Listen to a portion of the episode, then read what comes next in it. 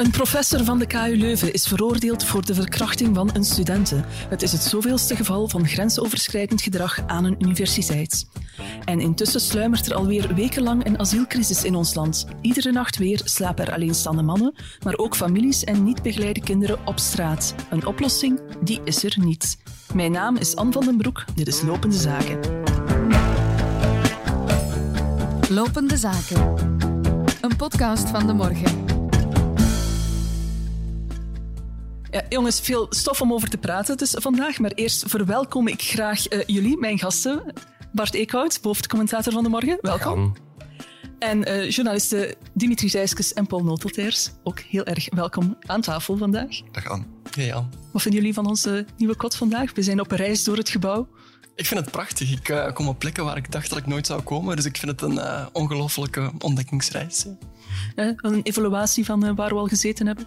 Goh, ja, toch wel. We zitten nu wel, um, de luisteraar hoort het misschien later in de aflevering, de tafel kraakt een beetje. Dus als je zoiets zachtjes hoort piepen, dat is de tafel waaraan we zitten ja, momenteel. Ja, dat, is, dat is niet Paul, zijn, zijn longen waar dus dringend aan gekeken moet worden. Hersenen. Zijn, zijn hersenen, daar had ik nog niet eens direct aan gedacht. De, de luisteraars zullen begrijpen dat het eigenlijk een subtiele kritiek is op het feit dat in dit uh, mooie, prachtige, nog nagelnieuwe mediagebouw, DPG Headquarters, geen enkele radioruimte is. Wat toch een klein beetje uh, ja. jammer is, zal ik Mensen doen er iets aan. Ja, help ja. ons.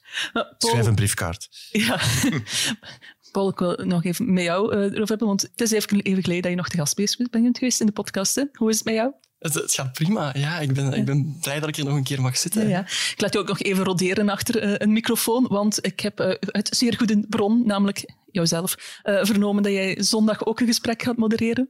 Klopt, ja, op het uh, openingsfestival van, het, uh, boeken, uh, van, van de Boekenmaand in Antwerpen.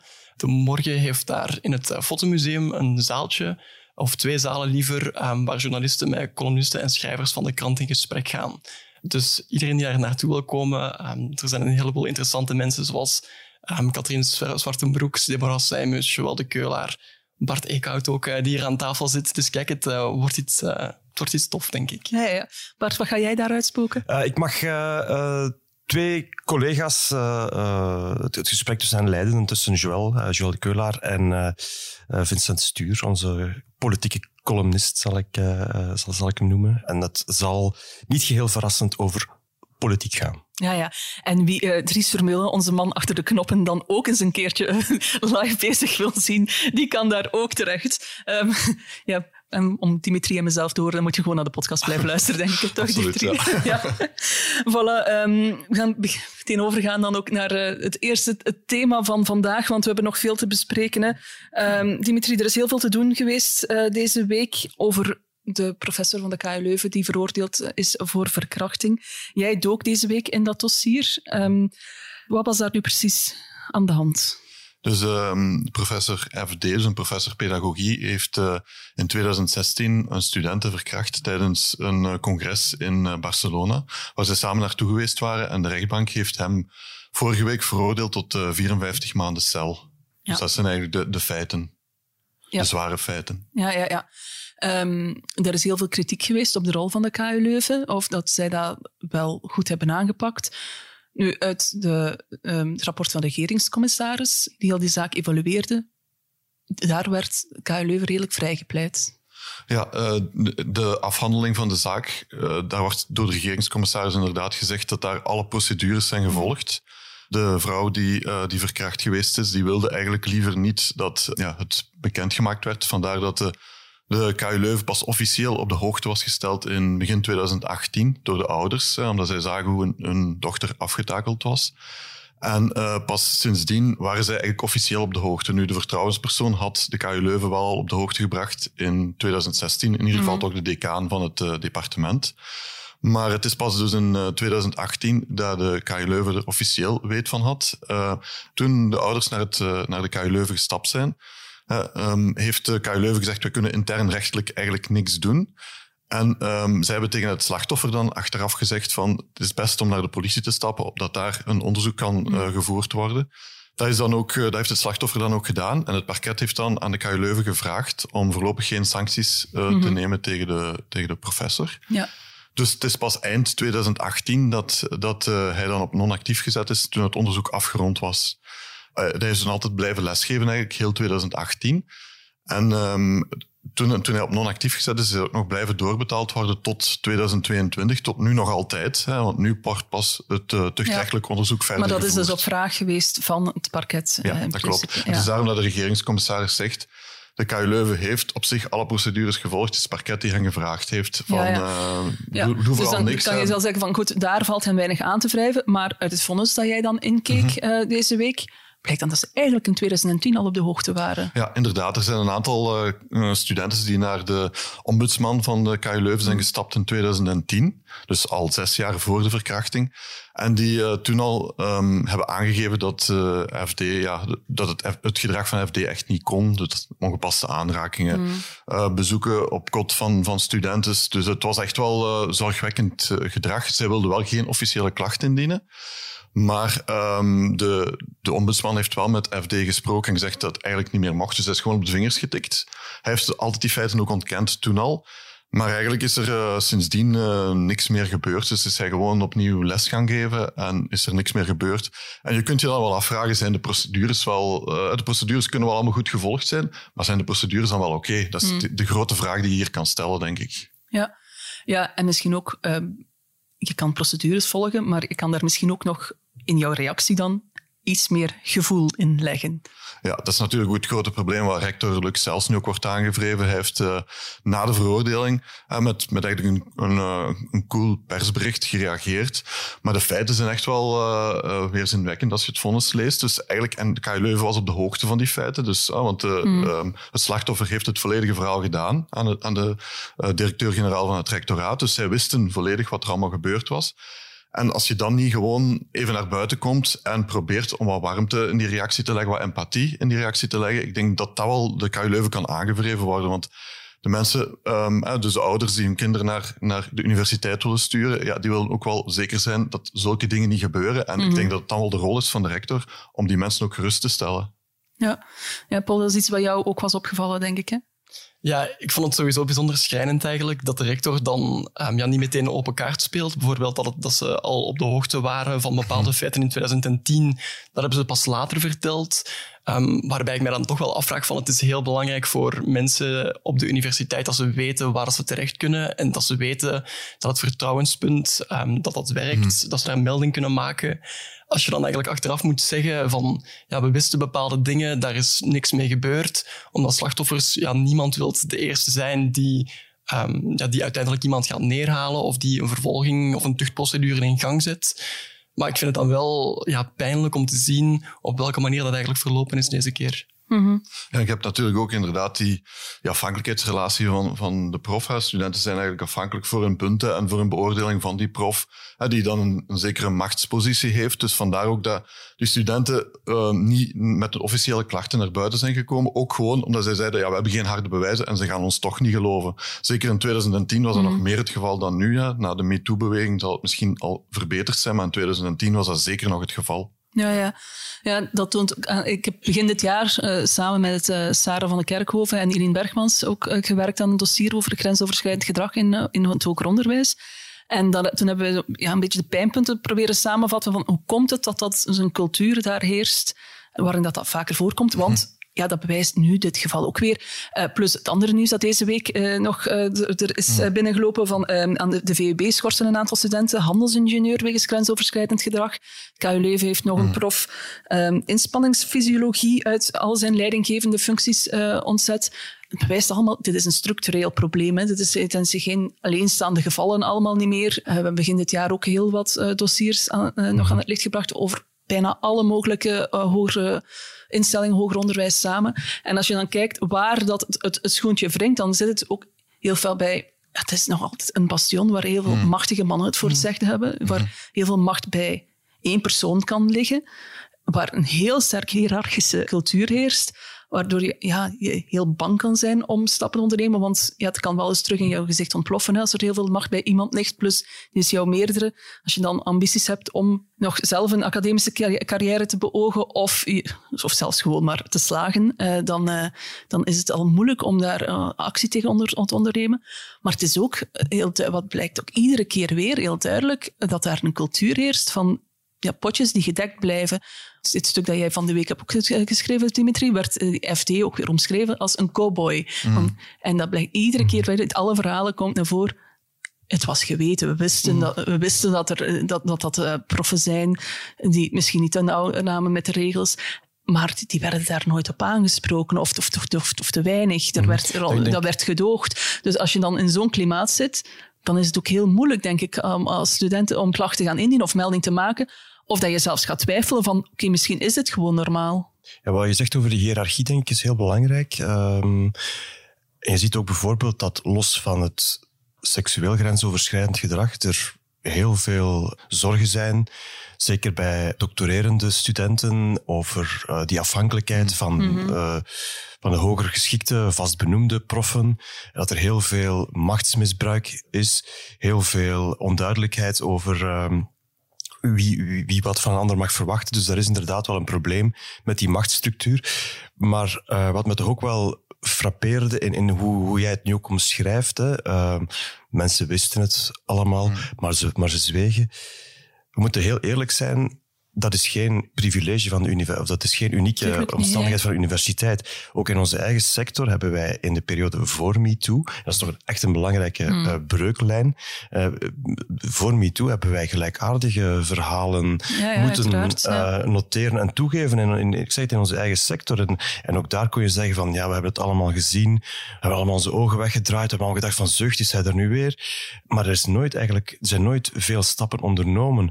En ja, dan, dan blijkt toch maar eens opnieuw hoe belangrijk dat moment van MeToo is geweest. Mhm. Om ons allemaal bewust te maken en ons iets actiever uh, bewust te maken van dat het niet oké is. Nee. Mhm. Hoe in verschillende milieus, met name met vrouwen, wordt omgegaan. En, en MeToo is eigenlijk, dat is nu bijna exact vijf jaar, het is iets langer dan vijf jaar geleden, is ondertussen uh, een beetje door veel mensen beschimd. Hè. Het idee van vooral mannen, maar ook wel vrouwen zeggen, ja, we mogen niks meer zeggen, we mogen niks meer doen. Het hele spel van verleiden wordt uh, in, in discrediet gebracht. Nee, daar gaat MeToo niet over. Hmm. MeToo gaat exact over de feiten uh, die hier nu op heel pijnlijke manier gebeurd zijn aan de KU Leuven. Hmm. En over het stilzwijgen waarmee dat soort gruwelijke feiten worden toegedekt. Hmm. Maar tegelijkertijd vind ik ook wel dat je je de vraag kan stellen van hoeveel er nu eigenlijk sinds MeToo veranderd is. Als je bijvoorbeeld ziet, um, die studenten die verkracht werd door FD, heeft op een bepaald moment iemand die aan de KU Leuven werkte, bij dezelfde faculteit in vertrouwen genomen. Um, dat was haar vertrouwenspersoon. En blijkbaar is die vrouw zo het leven zuur gemaakt um, dat zij op een bepaald moment zelf naar een, naar, voor een andere job heeft gekozen. Samen die vertrouwenspersonen? Mhm. Ja, ja, ja, Dus samen met nog zes andere vrouwen van de faculteit zijn zij allemaal vertrokken. Dan denk ik wel van, ja, kijk, als je zelf probeert om het ethisch correcte te doen en je wordt dan nog de stokken in de wielen gestoken op professioneel, professioneel niveau, dan merk je toch wel dat er iets mis zit. En daarom vind ik het ook ja, een beetje wereldvreemd dat de KU Leuven zichzelf vandaag op de borst klopt om te tonen van ja, deze specifieke case, die hebben we goed aangepakt. Omdat ik denk van ja, als, als de wortels van je boom rot zijn, hmm. dan moet je niet trots zijn dat je één tak van die boom op een goede manier hebt afgezaagd, want dat, dat is gewoon niet voldoende. Mm -hmm. Ben ik het wel mee eens. Ik denk wel dat we misschien iets te veel het ligt natuurlijk een beetje aan de functie. Misschien iets te veel uh, van de rector het mikpunt maken. Ik denk dat mensen die zich echt vragen mogen stellen en in de spiegel mogen kijken, toch aan de faculteit zelf. Daar zitten. Daar ja, zijn, tuurlijk. Ook daar heb je een hiërarchie die verantwoordelijkheid had kunnen opnemen en die had meer had kunnen doen om studenten te beschermen dan wat nu gebeurd was. En mhm. dat is precies nu, wat jullie nu, nu, zeggen, wat mij een beetje verontrust in heel die zaak, want uh, er zijn wel procedures worden gevolgd. Er komt een, eindelijk een extern meldpunt. Iets, mm ja, die, dat extern meldpunt dat heeft al een hele voorgeschiedenis. Hè. Dus, uh, in 2018 heeft Hilde Krevits, die toen nog minister van Onderwijs was, daar heel hard voor gepleit om er zo eentje op te richten. Dat was toen na mistoestanden aan de UGent die aan het licht gekomen mm -hmm. waren, ook met grensoverschrijdend gedrag, ernstig uh, grensoverschrijdend gedrag. Zij wilde toen een, een extern meldpunt overkoepelend over alle um, uh, instellingen van het hoger onderwijs samen. Dat hebben die instellingen, hoger onderwijs, universiteiten, hogescholen, afgehouden. En zij wilden geen extern onafhankelijk meldpunt. Ze wilden dat dat ingebed bleef aan de universiteit in het eigen weefsel, zodat de specifieke cultuur van iedere instelling bewaard kon vreselijk. blijven dat wringt. Allee, Dat voel, dat voel je dat dat wringt. Nu, dat de extern meldpunt komt er nu dan toch. Eh, eh, Ben Wijts, eh, de nieuwe minister Onderwijs, ondertussen heeft dat eh, opnieuw opgenomen na de dossiers die, die onder andere wij met de morgen begin dit jaar eh, aan het licht gebracht hebben. Dat komt er dan nu tegen de zomer van 2023. Oké, fijn, goed, denk ik. Belangrijk dat er dat komt, want eh, zo zal er tenminste ja, een on- onafhankelijk orga- orgaan zijn waar je naartoe kan stappen. Zal er ook uitwisseling mogelijk kunnen zijn van als er iemand klacht heeft ingediend tegen een prof en die prof die verhuist van, eh, van instelling en er komt een nieuwe klacht, dan ga je tenminste verbanden kunnen leggen. Dat was tot nu toe absoluut niet het geval. Maar het is ook wel maar dat, hè, een meldpunt. We weten hoe groot een, eh, een dark number is in zo'n gevallen. Van vooraleer dat je naar een meldpunt stapt, is de stap al heel groot. Plus zijn er heel veel die dat niet doen. Dus dat is ook maar een klein deeltje van een oplossing, denk ik. Ik denk dat we veel meer gaan moeten verwachten van mensen die elkaar aanspreken van, een, een- van een echt een cultuur die moet Ja. veranderen. En veel sneller iets zeggen, denk ik ook wel. En die verantwoordelijkheid ligt niet alleen bij de slachtoffers, maar ook bij omstaanders, bij mensen die het zien. Als je hoort op het moment dat die FD dan genoemd wordt Mhm. in, in, in, in de media, dat er dan verhalen naar buiten komen van ja, het was eigenlijk een cowboy en we wisten het allemaal wel. Dan denk ik, ja, deze specifieke case is misschien op juridisch vlak goed aangepakt, maar daar hebben al die andere slachtoffers die er zijn geweest, voor welke feiten dan ook, ja, heel weinig aan natuurlijk. Die studenten die in 2000, eh, 2010 naar, de- na- ook naar, eh, naar de ombudspersoon zijn gestapt om te vertellen dat de prof met hen op kot wilde afspreken en een ongepast aanraakte. Ja, ze hebben daar geen zaak van gemaakt en de UNIF heeft die man op de vingers getikt. Maar ja, daar kom je niet meer in. Die situatie escaleert. Ja, en, en wat je ook zegt over dat dark number, ik denk dat dat ook wel klopt. Want als je eh, het vonnis leest, zie je ook hoeveel moeite dat het slachtoffer had om het zelfs maar aan haar ouders te vertellen. Hè. En dat het zelfs haar ouders zijn die, die uiteindelijk beslist hebben om naar de rector te stappen tegen de zin van, eh, van, van de mevrouw zelf in. Je merkt ook wel dat, dat, dat er nog heel, waarschijnlijk nog wel heel wat slachtoffers zijn die, die niet naar buiten komen. Maar eh, dit geval is nu gelukkig naar buiten gekomen. En dan kun je wel de vraag stellen, en dat vond ik ook wel een terechte vraag, van eh, de, die persoon die in vertrouwen was genomen in 2016, hè, zij heeft dan wel het departement op de hoogte gebracht, maar moest er toen al niet direct naar de politie gestapt zijn? Want het gaat hier toch over een misdrijf. Hè? Je, kunt, je hebt natuurlijk altijd het respect voor het slachtoffer, maar in dit geval is er een misdrijf gepleegd. En dan kan je de vraag stellen, moest er dan niet meteen al naar de eh, politie gestapt zijn? Dus dat, dat zijn vragen die je ook kan stellen. Maar in ieder geval, wat het hele vonnis blijkt, is hoe moeilijk het is hè, voor die slachtoffers. Hè, Als je doorheen een heel... Je ziet wat, wat een leidersweg dat het slachtoffer heeft, heeft afgelegd om uiteindelijk naar de politie te stappen. En eh, waar, zij ziet daar nu nog altijd van af. Hè. Elke dag denkt ze nog altijd aan die feiten. Je ziet hoe ingrijpend dat zoiets is voor het leven van, hè, van de slachtoffers. Dus dan weet je dat er de meeste gevallen, dat die onder de radar blijven, zoals Ja, je ook ja. zegt. Hè. Ja, en zo raken we ook aan een, een politiek kantje eh, dat er eh, ook aan deze zaak zat. Hè, want het verhaal is mede aan het licht gekomen eh, afgelopen weekend door het feit dat Vlaams minister van Justitie, Zuhal Demir, er ja, veel ruchtbaarheid aangegeven heeft. Eh, wat moeten we daarvan denken, Bart? Ja, ze heeft, eh, ze heeft er dus op zijn minst mee gedreigd om eh, ehm, een, een- subsidie in een, in een totaal ander dossier die voor eh, KU Leuven was voorbestemd om die subsidie in te houden. Wat zij vanuit haar functie kan. Hè. Zij kan beslissen om een, Ja, een dat was een subsidie die zij als minister van Toerisme, toerisme of zoiets had, ja, ja. had uitgereikt. Is- En als minister van Justitie. vond ze dat ze dat niet meer, dat de minister van Toerisme dat niet mocht doen en toeval Voilà. wou dat ze dat zelf was. Ja. Ja, het is een beetje een, ehm, een, een vreemd manoeuvre geweest, hè, dat er wel toe geleid heeft dat, dat er vrij snel eh, duidelijkheid is verschaft over de procedure die de KU Leuven dan wel gevolgd heeft. En daar blijkt eh, niks mee aan de hand te zijn. Enfin, bon, je kan discussiëren over de procedure, maar ze is wel correct gevolgd door de KU Leuven om allerlei toch niet onbelangrijke redenen, zoals inderdaad de rechten van het slachtoffer en het geheim van het onderzoek. En dus kan je afvragen wat, wat heeft eh, mevrouw Demir eh bezield om zich zo nadrukkelijk eh, te mengen in, in, Ja. in, in dit verhaal. Het werd Speel- daar ook verweten, onder andere Gwendoline Rutte, dat ze de zaak recupereert. Hè. Ja. Ehm, ik denk dat daar ook een regionaal aspect zelfs meespeelt, want dit is een Limburgs verhaal. En zij is dus de kopvrouw van haar partij in Limburg. En ehm, dus ik denk dat dat zij is inderdaad dat je, niet, dat je moeilijk kan ontkennen dat ze zich heeft willen profileren op deze. Dat is niet uniek voor haar. Um, Jeroen van Orenbeek heeft dus een, uh, voor de krant een heel goed portret van haar gemaakt. En ik ben er zelf nog altijd niet helemaal uit of ze dat nu doet vanuit pure politieke berekening of dat is echt impulsiviteit Oprechte verontwaardiging. ik denk dat het bij haar, uh, uh, dat de grens niet helemaal duidelijk is tussen die twee. Want ik denk dat ja, ze heeft natuurlijk uh, flink deel van de politiek, ook van de eigen meerderheid, over haar heen gekregen. Omdat het inderdaad niet de eerste keer is dat dit gebeurt. Mm. Ze heeft uh, uh, bijvoorbeeld een, een, een, onderzoekscommissie zelf over zich afgeroepen in, in de hele PFOS-affaire, wat ook een beetje raar is dat een minister het parlement vraagt om een onderzoekscommissie op te richten. Uh, zo zijn er nog wel meer gevallen hmm. geweest. Ook wel omdat hij vooral over haar voorgangers ging, natuurlijk. Wel ja, goed. Klein detail. Ja, ja, ze heeft zichzelf daar wel, wel netjes... of denk bijvoorbeeld aan, aan, aan heel dat idee om... grote bedrijven met, met veel zonnepanelen, dat die een hmm. subsidie zouden gaan verliezen. dat is heel, plan waar ze een aantal keer met de voorpagina's mm. van de krant heeft gehaald, of dat plan ooit uh, uh, juridische toets gaat overleven, dat valt allemaal nog te bezien, maar het is wel weer gezegd. Dus dat idee van een beetje in te spelen op die verontwaardiging bij het publiek, dat, dat, dat, dat is er wel.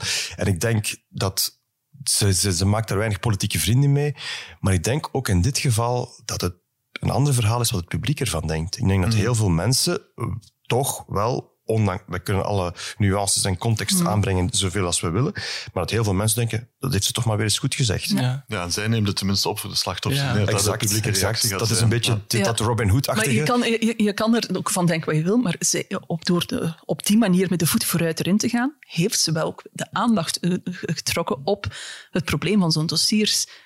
Of eh, was het dan niet de manier om het te doen? Ja, goed. Ik, ze is natuurlijk uh, ook inderdaad de Vlaamse minister van Justitie voor wat het waard is. En dan moet je toch een beetje proberen de spelregels van de rechtsstaat te mm. bewaken en die niet zelf te gaan overtreden om vanuit een soort oprecht of onoprecht gevoel van, van verontwaardiging. Dat is toch wel een beetje uh, je taak als, als politicus, vind ik, om daar niet in dat gevoel te gaan, maar om daar toch een beetje afstand en koelbloedigheid te bewaren. Maar goed, dat zit niet eenmaal in haar aard. Nee.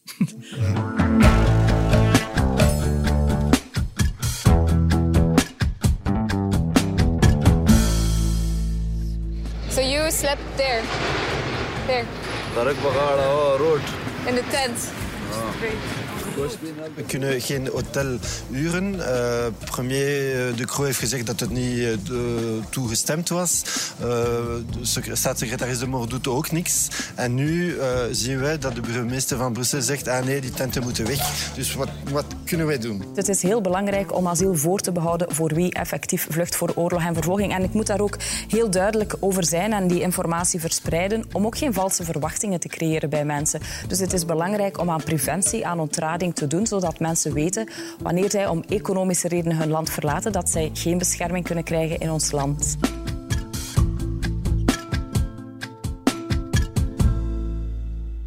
Nieuws dat dan veel minder in de aandacht staat. Al ruim twee weken slapen er iedere nacht weer minderjarigen op straat, met hun familie of zelfs alleen. Het gaat om mensen die asiel willen aanvragen in ons land, maar waarvoor geen plek is in een opvangcentrum. Dimitri, hoe kan dat? Want ik vergis me toch niet opvang voorzien voor wie asiel aanvraagt, dat is een mensenrecht. Ja, inderdaad. Dus uh, dat is een verplichting die uh, elke Europese lidstaat heeft. Hè. Dus mensen die asiel willen aanvragen in een van de Europese lidstaten, die krijgen sowieso de toestemming om dat te doen. En daar moet onmiddellijk opvang voor hen voorzien worden. Inderdaad, dat klopt. Eh, dus dat is een, mm. een mensenrecht. Hè. Ja, maar dat gebeurt dus niet. Want we zien dus iedere nacht weer dat er mensen op straat geslapen hebben. Zowel volwassenen, maar ook dus kinderen. Hè? Ja, voor veel alleenstaande mannen was het al veel langer het geval. Dat is al maanden, dus dat bleef helemaal onder de radar, maar dat is al maanden het geval. Maar nu, uh, de laatste weken... Ja, eh, sinds zijn, 11 oktober, denk ja, ik, hè, dat voor het eerst uh, kinderen op, sta op klopt, straat geslapen zelfs hebben. families en, uh, en niet begeleide minderjarigen, dus min 18-jarigen die alleen naar ons land gekomen zijn, die ook op straat moeten slapen. En um, ja, het is, het is inderdaad schrijnend dat, dat dat gebeurt en dat het inderdaad enigszins onder de radar blijft. Hè. We mm. hebben het er denk ik de vorige keer ook nog niet over gehad, uh, mm. terwijl het toch ook al een aantal weken speelt. Het geeft wel aan dat het de publieke opinie niet echt uh, beheerst of dat mm. daar niet echt veel aandacht voor is vanuit de publieke opinie. Ja, wanneer er aandacht komt, dan is het wanneer we echt wel heel erg pijnlijke beelden zien. Zoals vorige week, wanneer dat er de kartonnen tentjes die mm. opgezet zijn in Brussel om waar minderjarigen de nacht in konden doorbrengen, die dan zo tegen een soort van loods of winkel staan. Um, die hè, in het centrum van, van, van Ja, Brussel. voilà. Waar, waar het nieuwe aanmeldcentrum is voor Ja. eh Ehm, kandidaat-asielzoekers. En die dan 's ochtends bij het, bij het ochtendgloren onmiddellijk worden eh, ja, neergeslagen, echt die tentjes, door, door de politie op bevel van de socialistische burgemeester Philippe Kloze. Die dat dan naar eigen zeggen doet, precies omdat hij niet wil dat er mensen op straat slapen, dat hij niet wil dat er kinderen op straat slapen, dan, dat om, de- om zo de federale regering eh, in feite onder druk te zetten om met een oplossing te komen. Maar ik veronderstel dat ik niet de enige ben die dat van een cynisme vindt, waar je instant buikkrampen van krijgt en niet van de minste een, soort. hè. een, een, een cynisch spel met bevoegdheden. Hè. Ja. Ik kan ergens de redenering van die burgemeester wel begrijpen dat hij zegt van als ik die hier één nacht laat staan, dan staat morgen de hele stad vol met kartonnen dozen. En dat is een, eh, een tendens die we niet willen. Maar er wordt geen oplossing geboden. Dus het enige wat er gebeurt is, de tentjes worden kapot gemaakt. Ja. Dus het alternatief is zonder tentje op straat liggen. Ja, en, en wat je vooral hebt hier, die mensen, eh, kwetsbare mensen, worden zo'n speelbal van de politiek. En dat is dat, je moet nu inderdaad een oplossing zoeken. Maar het, het, is, het, het is eigenlijk wel eh, ja, verschrikkelijk eigenlijk dat die mensen, eh, eigenlijk, die daar niks mee te maken hebben met het heel spel van bevoegdheden, dat die eigenlijk een speelbal worden van, van, van eh, de, de strijd tussen politieke partijen of tussen eh, niveaus. Dus dat, dat is echt wel, eh, en dat vind ik, ja, dat stoot mij het meest Ja. nog tegen de borst Want eigenlijk. we zitten hier toch ook wel met een structureel probleem. ehm, in de zin dat er bijvoorbeeld elke keer na een, een tijdelijke opstoot in het aantal asielaanvragen ehm, wordt de capaciteit tijdelijk opgetrokken en dan weer afgebouwd. Waardoor we nooit een buffercapaciteit hebben en expertise, locaties, personeel telkens weer opgetrommeld moeten worden op het moment dat er meer aanvragen binnenkomen. Maar daardoor ja, maak je jezelf ook wel heel kwetsbaar. Want als er dan situaties gebeuren, zoals de oorlog in Oekraïne bijvoorbeeld, en je hebt heel veel plaatsen nodig, ja, dat, dan moet je opeens weer van nul beginnen. En ik denk dat daar ook een enorme uitdaging zit. Ja. ja, in feite is wanneer dat er dan plannen gemaakt worden om toch nieuwe opvangcentra op te richten, ja, dan stoot je op boze burgemeesters. Hè. Dat hebben we ook gehoord al eh, deze week. Ja, alle deurtjes gaan dicht. Hè.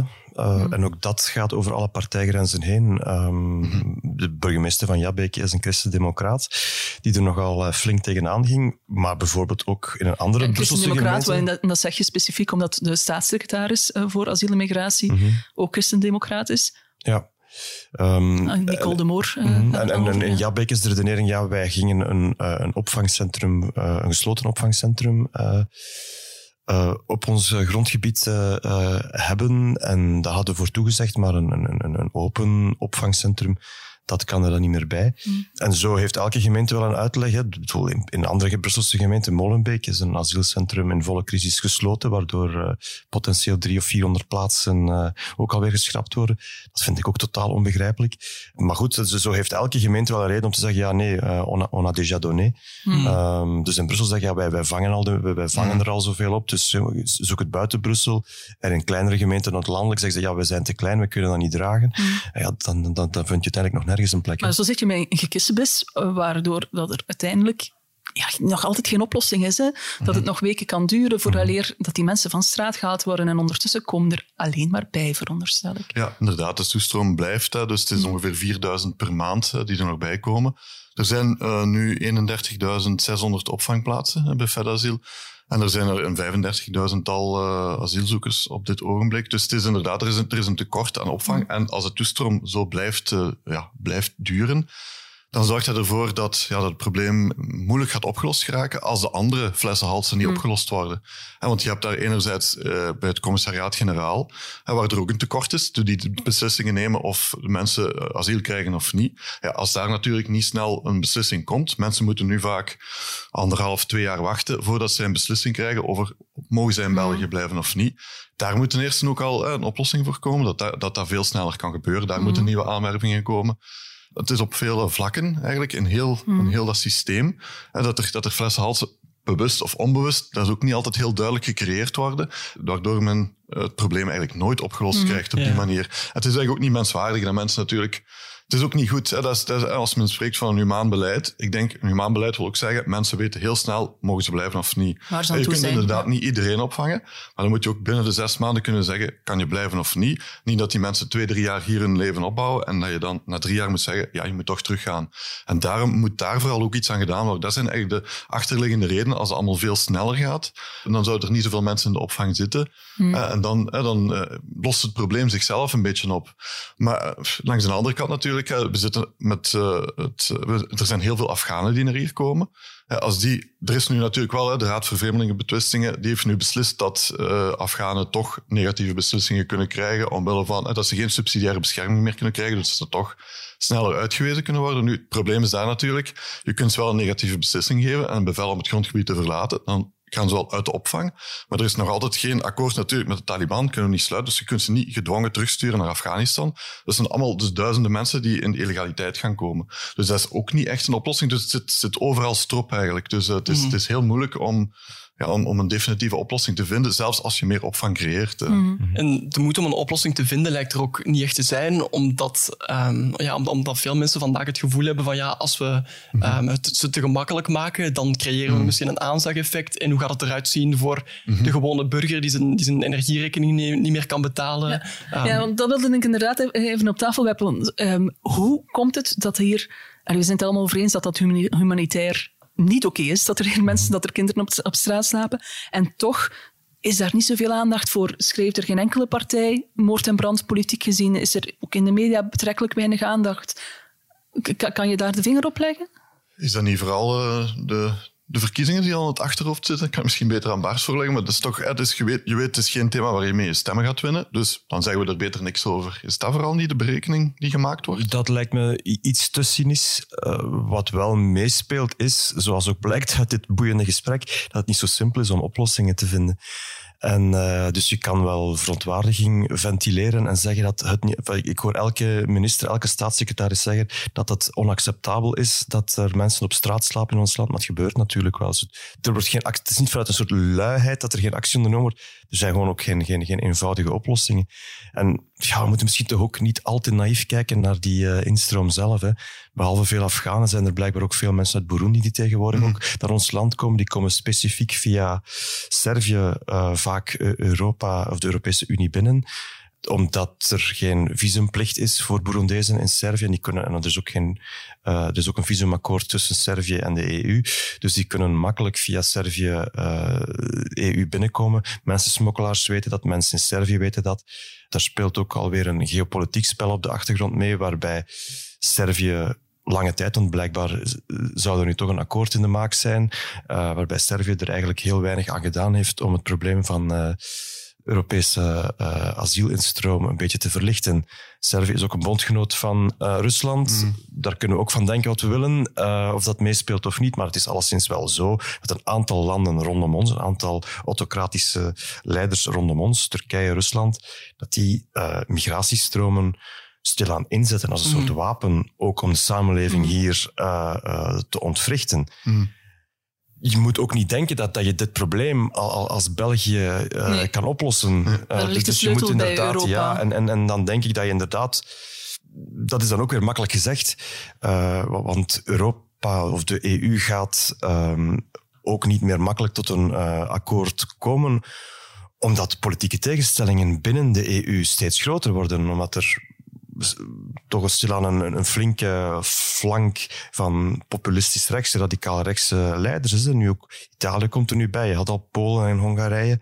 Eh, dus het wordt, het wordt steeds moeilijker om tot eensgezindheid te komen. Maar we zouden misschien wel met een soort kerngroep van landen toch kunnen proberen om een iets actiever, ja, noem het voluntaristischer eh, eh, beleid te voeren, waarbij je naast de, de, de totaal overspannen, overstroomde asielpoort toch werk maakt van een legale migratiepoort die meer uitgebreider is dan, dan, dan de arbeidsmigratie die we nu in beperkte mate kennen, de gezinshereniging die we kennen, dat je daar toch een soort, ja, ik weet ook niet of het de briljante oplossing is, maar dat je toch naar een soort quotasysteem gaat, zoals je dat bijvoorbeeld denk ik in Canada ook wel hebt, Ehm, dat je toch toont aan je eigen bevolking en aan de wereld van kijk, we doen wat we kunnen. En dat geeft dan misschien ook meer legitimiteit aan eh, een, een, een, een streng uitwijzingsbeleid dat je sowieso altijd nodig zult moeten blijven hebben. Maar die, maar die kern van landen wordt, wordt wel kleiner en kleiner. Want je- Italië eh, die gaat nu Nee, ook maar al niet meer meewerken. Dus Bijvoorbeeld Oostenrijk, Duitsland, Denemarken, eh, Nederland zijn landen die ongeveer dezelfde problemen hebben als wij nu. En Nederland bijvoorbeeld nog meer dan, dan, dan wij hebben. Dus, dus elk land heeft dan zo'n beetje zijn eigen eigenheid. Er zijn overal wel wat zwakke punten die genadeloos worden blootgelegd door, door mensenhandelaars. Bij ons is er blijkbaar een probleem. Ah, probleem. Eh, is er de, de vlotte toegang tot kinderbijslag voor minderjarige asielzoekers, die een deel van aantrekkingskracht eh, vormt op netwerken van mensensmokkel om, om vooral minderjarigen eh, naar hier te brengen. Ook dat probleem wordt nu bekeken. Maar goed, daarmee los je, ik bedoel, dat is niet de, de ultieme oplossing wa- waarna plots de crisis bezworen is. Hè. Dan, dan, dan, het water loopt altijd naar het laagste punt. Dus dan, dan, dan, dan, dan zullen er weer andere kwetsbare punten in Europese welvaartsstaten worden blootgelegd. Dus zou, zou ik toch denken van, probeer met een kerngroep van landen misschien toch tot een iets actiever eh, migratiebeleid te komen. En tegenover burgers vind ik ook wel belangrijk dat het uitgelegd moet blijven worden hoe, wat jij nu zegt, die autocratische leiders aan onze buitengrenzen migratie gewoon als een wapen gebruiken om de samenleving te ontwrichten. Een aantal weken geleden was er een fragment op de Russische televisie waarbij een politicoloog eigenlijk openlijk fantaseerde om op eh, het hoogtepunt van de energiecrisis in de winter bijvoorbeeld ehm, ja, en nieuwe Oekraïnse vluchtelingen op, eh, ja, naar Europa Stroom, te sturen. Gewoon omdat, omdat ze weten van ja, dat, loopt daar elke keer verkeerd en dat ontwricht de samenleving. En als je dan mensen ziet, zoals die Frank Kastelein, de burgemeester van Jab- Jabbeke, of Katrien Moureau van, van Molenbeek, die tegen die opvangcentra aan het ageren zijn, ja, denk je van, op de een of andere manier gaan we, gaan we er niet uit geraken met dit soort retoriek. Dimitri, Bart, Paul, ontzettend bedankt voor jullie komst. Ook een grote dank u wel aan Dries Vermeulen voor de techniek. Volgende week zijn we er weer voor een herfstige aflevering van Lopende Zaken. Mocht u ons eerder al missen, mail ons dan zeker op podcasts.demorgen.be.